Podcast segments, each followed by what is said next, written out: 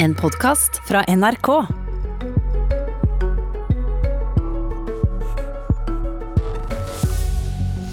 Desperate flyktninger er igjen på vei til Europa. Regjeringen har ikke tenkt at noen av dem skal nå helt fram til Norge. Men eh, hva tenkte regjeringssjefen da statssekretærene fikk både dobbellønn og etterlønn de ikke hadde krav på? Ja, det skal vi høre straks, for statsministeren er gjest her i Politisk kvarter. Ja, og god morgen og velkommen til Politisk kvarter, eh, statsminister Erna Solberg. Takk skal du ha. Din fiskeriminister eh, må gå etter fem uker i jobben, og det er knapt som vi har tid til å snakke om det. For koronaviruset har nådd landet, børsene faller, og i Tyrkia sier regjeringen nå at de ikke lenger vil hindre flyktninger i å nå Europa.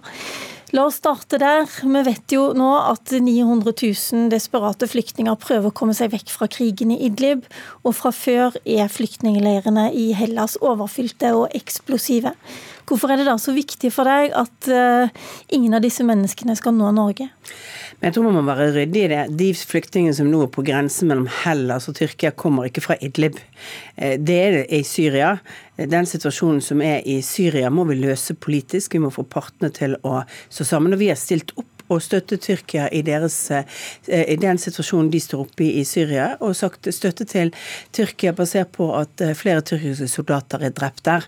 Men det er altså ikke desperate flyktninger som står på grensen mellom, mellom Tyrkia og Hellas.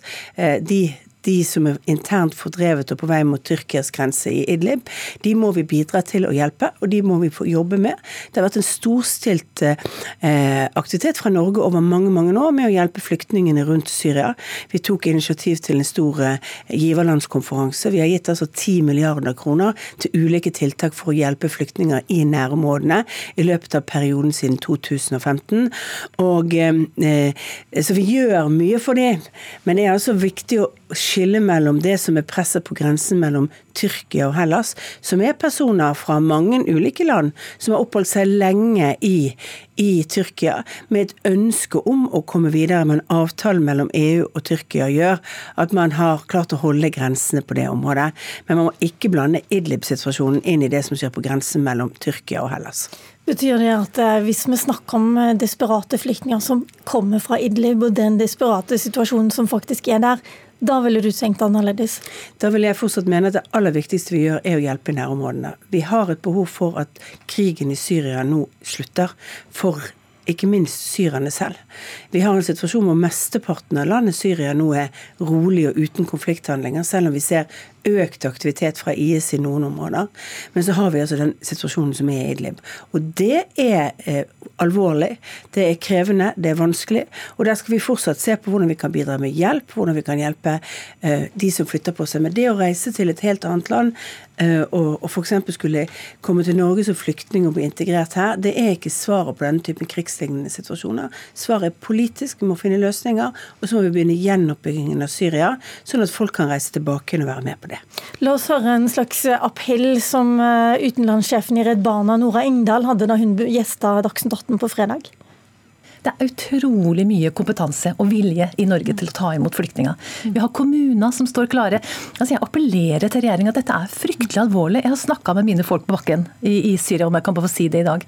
De er helt fortvila. Altså vi har en humanitær krise der oppe nå som jeg tror ikke regjeringa forstår alvoret i, rett og slett. Forstår dere ikke alvoret, Erna Solberg? Det er jo flere kommuner som har sagt at de gjerne vil ta imot flere flyktninger.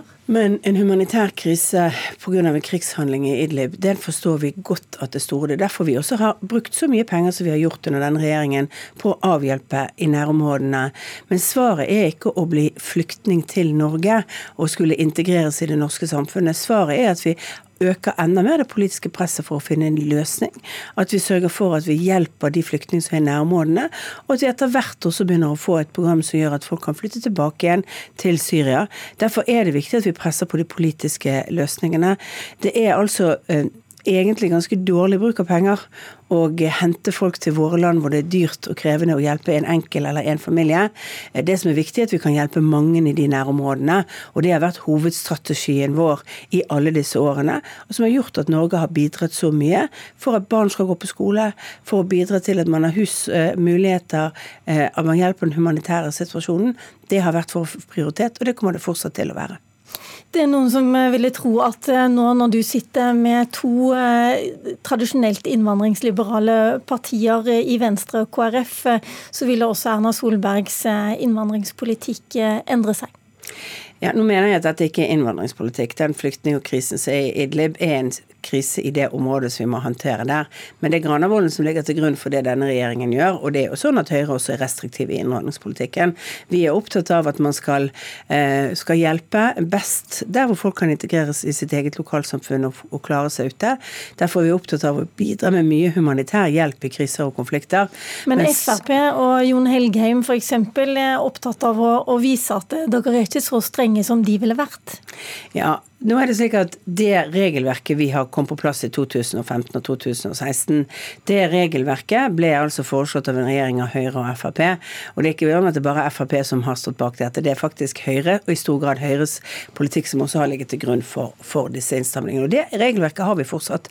Vi har de reglene vi fikk på plass for å forhindre at vi kunne at vi fikk disse store tilstrømningene, og at det skulle gjøre at vi måtte ha ordinær asylbehandling av alle saker som kom. F.eks. den lovendringen som vi fikk på plass som gjorde at vi kan iverksette sånn at hvis du har vært i et sikkert tredjeland, ja, så kan du altså returneres dit. Det eksisterer fortsatt. Den såkalte Russlandsinstruksen som vi laget for å kunne returnere folk tilbake igjen til Russland, eh, den eksisterer fortsatt, men fortsatt med selve lovhjemmelen dreier seg jo egentlig om alle land, og vil være mulig å iverksette på flere områder. Hvis folk f.eks. har oppholdt seg lenge i et annet land Eh, eh, som eh, og så får en sekundær migrasjon.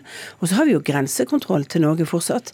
Den grensekontrollen betyr at vi har grensekontroll på fergene, og vi har erklært grensekontroll overfor for EU. E det betyr jo internt i Schengen. Det betyr at vi også kan øke intensiteten i den grensekontrollen hvis vi ser at den, den øker på. Men både ser, Danmark... du for deg, ser du for deg at ytterligere tiltak kan bli nødvendige hvis det tilspisser seg enda mer og flyktningene går nordover? Eh, hvis vi ser tilstrømninger, så kan det være at vi kommer til å måtte eh, øke intensiteten på på å sikre oss mot sekundærbevegelser. Folk, flyktninger som er ja, Det betyr at folk som allerede kom til et annet EU-land, eh, eller har vært en stund, eller f.eks. i Tyrkia, skal bevege seg videre til våre land og si at ikke, de er ikke i akutt beskyttelse, de har ikke den samme behovet, og det har vi et lovverk og rammeverk for. Og vi mener at vi skal bruke det lov- og rammeverket, men det aller viktigste vi gjør nå, det er å støtte opp under Hellas og Bulgaria som passer på yttergrensen, og si at eh, det at Tyrkia nå slipper opp som et politisk politisk press i forhold til situasjonen i Syria, ja, det er noe vi egentlig ikke kan akseptere. Vi støtter de i forhold til angrepet som har vært på tyrkiske soldater. Det har vi gjort i Nato. og Vi har gitt de støtte til det, at det er urimelige angrep, og at vi må jobbe med å få Syria og de som kan påvirke Syria til å slutte krigshandlingene i Idlib. Men svaret på det er ikke å true Europa med å åpne grensene for å slippe inn folk. Og vi har, som Norge, både hentet kvoteflyktninger fra Tyrkia på de mest sårbare som har vært i flyktningleirene, og at et av de landene som har fulgt opp, også ved å hente ut fra Italia og eh, Hellas tidligere, på disse midlertidige mekanismene som var for et par år siden. Ok, men det gjelder åpenbart ikke lenger. Men eh, vi setter en strek der. Eh, du skal reise til Brussel i dag for å diskutere nettopp felles europeiske løsninger, Erna Solberg. Eh, vi må også snakke om din fiskeriminister som måtte gå av etter fem uker i jobben. Og det er knapt som vi har hatt tid til å, å, å snakke om det, som jeg nevnte for deg i starten her. Hvis vi skrur tida litt tilbake, så er vi altså ikke ferdig med etterlønninger og doblelønner likevel. For uh, ei uke siden så ble du spurt om du hadde tillit til fiskeriminister Geir Inge Sivertsen, og da er det dette du svarte. Har du tillit til eh, fiskeriministeren? Ja, og nå er Geir Inge på Senja for å rydde opp sammen med kommunen og sørge for at eh, hans arbeidsforhold skal være i tråd med det som er lover og regler. For alle skal følge lover og regler i Norge. Men at Sivertsen mottok dobbel lønn, er det ingen grunn til å be om årsaking for, eller rydde opp i, sier Solberg. Han gjorde en iherdig innsats i begge jobbene. Det var mandag for en uke siden. Fredag hørte vi at fiskeriministeren ønsker å trekke seg. Lørdag avdekka VG at en statssekretær fra Frp også har fått etterlønn han ikke hadde krav på. Og han mottok dobbel lønn som ordfører og statssekretær i din regjering, Erna Solberg. Syns du fortsatt det er rimelig at politikere skal ha full betaling for to jobber samtidig? Ikke over lang tid, men den korte tiden det dreide seg, for, dreide seg her, hvor man altså avvikler en kommune, hvor det er den siste intense innspurten i å sikre at uh, kommunesammenslåingene går på skinner, og at alle, alle, ting kommer på plass, så er det vanskelig å avbryte det ene arbeidsforholdet for å gå inn i det andre arbeidsforholdet. Siv Jensen uh, vurderer dette åpenbart annerledes, fordi at i Frp så har de nå bestemt at denne statssekretæren som VG skriver om, han skal betale tilbake både etterlønn og den doble lønna? Ja, etterlønn har jo også Geir Inge betalt tilbake. Dette var det han ikke burde gjort. Han burde ikke søkt om etterlønn. Man skal ikke få etterlønn som er en sikring for, eh, for at man ikke har inntekt etter at man har sluttet i en jobb, hvis man har en annen inntekt og, og faktisk er i jobb allerede. og det er det vi har ryddet ut. Ja, det, er, det, det jeg mener, han har gjort en jobb i begge disse jobbene. Han har jobbet iherdig i begge disse jobbene. Så kan man alltid diskutere burde det vært så mye, burde det vært avkortet eller annet. Men det å underkjenne at han faktisk har gjort en jobb som mange forsøkte å gjøre i denne prosessen, det er altså feil. Han gjorde en iherdig jobb i dette, og vi var i en helt spesiell Og det gjorde også den andre statssekretæren, da? Eh, det, det, vet jeg faktisk ikke. Men den, den, eh, det som er viktig å huske, vi var i en helt spesiell situasjon i denne høsten. Fordi at vi hadde kommuner som ble sammenslått, og hvor de gamle ordførerne da satt lengre før den nye kommunen tiltrådte, og var nødt til å forvalte eh, også den situasjonen. Vanligvis så ville man etter et valg ha gått av i oktober-november, og dette ville vært et enklere forhold. Det er også en tredje statssekretær eh, som også har gått av, riktignok, som fikk eh, etterlønn som han ikke hadde krav på. Eh, vi lurer jo litt på om du egentlig har hatt kontroll på statssekretærene, på folka dine, i og med at disse her sakene har kommet som en overraskelse etter hvert? Det at man har søkt etterlønn i kommunen, når man er i jobb, har ikke statsministerens kontor kontroll på.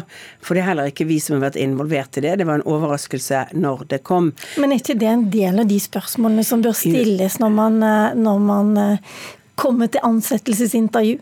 Men de har jo søkt om dette etter at de har vært i ansettelsesintervju.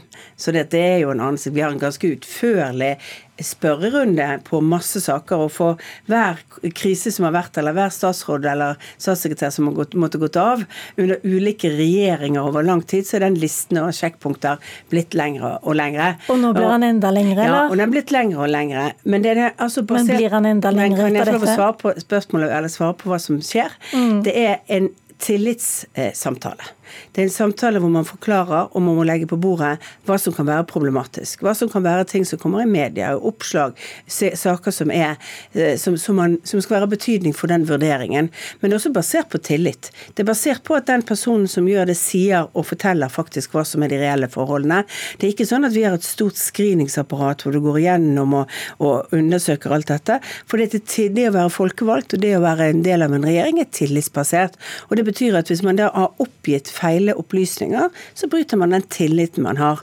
Og så er det noen av de handlingene som har skjedd etter disse intervjuene var gjennomført, og så har man altså ryddet opp i det i ettertid. Og så har Geir Inge kommet til den konklusjonen selv, at han også syns at dette nå ble for mye og for vanskelig, og fikk ikke tid til å være fiskeriminister, rett og slett, og da valgte han å trekke seg. Men har han egentlig vært eh, Har han egentlig sagt alt sammen? Eh, så vidt jeg forstår, så har han bl.a. sagt at han eh, skulle trekke seg fra alle styreverv, og så skriver han under på årsregnskap likevel? Det er en forutsetning at du skal trekke deg fra alle styrevervene. Og han har meldt, og det har jo alle disse styrene, altså alle disse bedriftene også selv bekreftet, at det meldte han etter at han ble statssekretær. Så vet ikke jeg helt grunnen for at han har undertegnet den ene årsrapporten som dette dreier seg om. Men han har jo heller ikke møtt i de styremøtene etter den tiden eh, hvor han altså har trukket seg fra styret. Så kan man si at det burde vært også meldt fra de selskapene inn til Brønnøysunds register at det var et styremedlem som ikke lenger fungerte som styremedlem. Det kan vi selvfølgelig være enda tydeligere på hvilken prosess det er. Men han har altså varslet, og selskapene har bekreftet, at han ikke har møtt og deltatt i dette. Det er en sak som jeg mener han oppklarte og gjorde riktig. Men han skrev bare under et, ja. Eh, et årsregnskap. Det er vel ja. en ikke ubetydelig ting? Nei, og det, og det, er jo da en sak som, eh, som selvfølgelig gjør det litt vanskeligere. Nå ser jeg at jeg har uh, feilberegna litt på tida, for jeg må bare spørre helt til slutt. Uh, når kommer ny fiskeriminister på plass? Eh, det kommer vi når vi er ferdig med å finne en god fiskeriminister. Vi har mange gode kandidater, og så bruker vi selvfølgelig litt tid på å gå gjennom alt. Kommer han eller hun fra Nord-Norge, sånn som de forlanger nå? Det vet vi faktisk ikke jeg heller ennå. Men er det snakk om dager? Det får dere vente og se. Dette er alltid en spenning. Se om dere finner ut av det før kongen har sagt ja. Vi får se på det. Takk skal du ha, statsminister Erna Solberg. Mitt navn er Lilla Sølhusvik.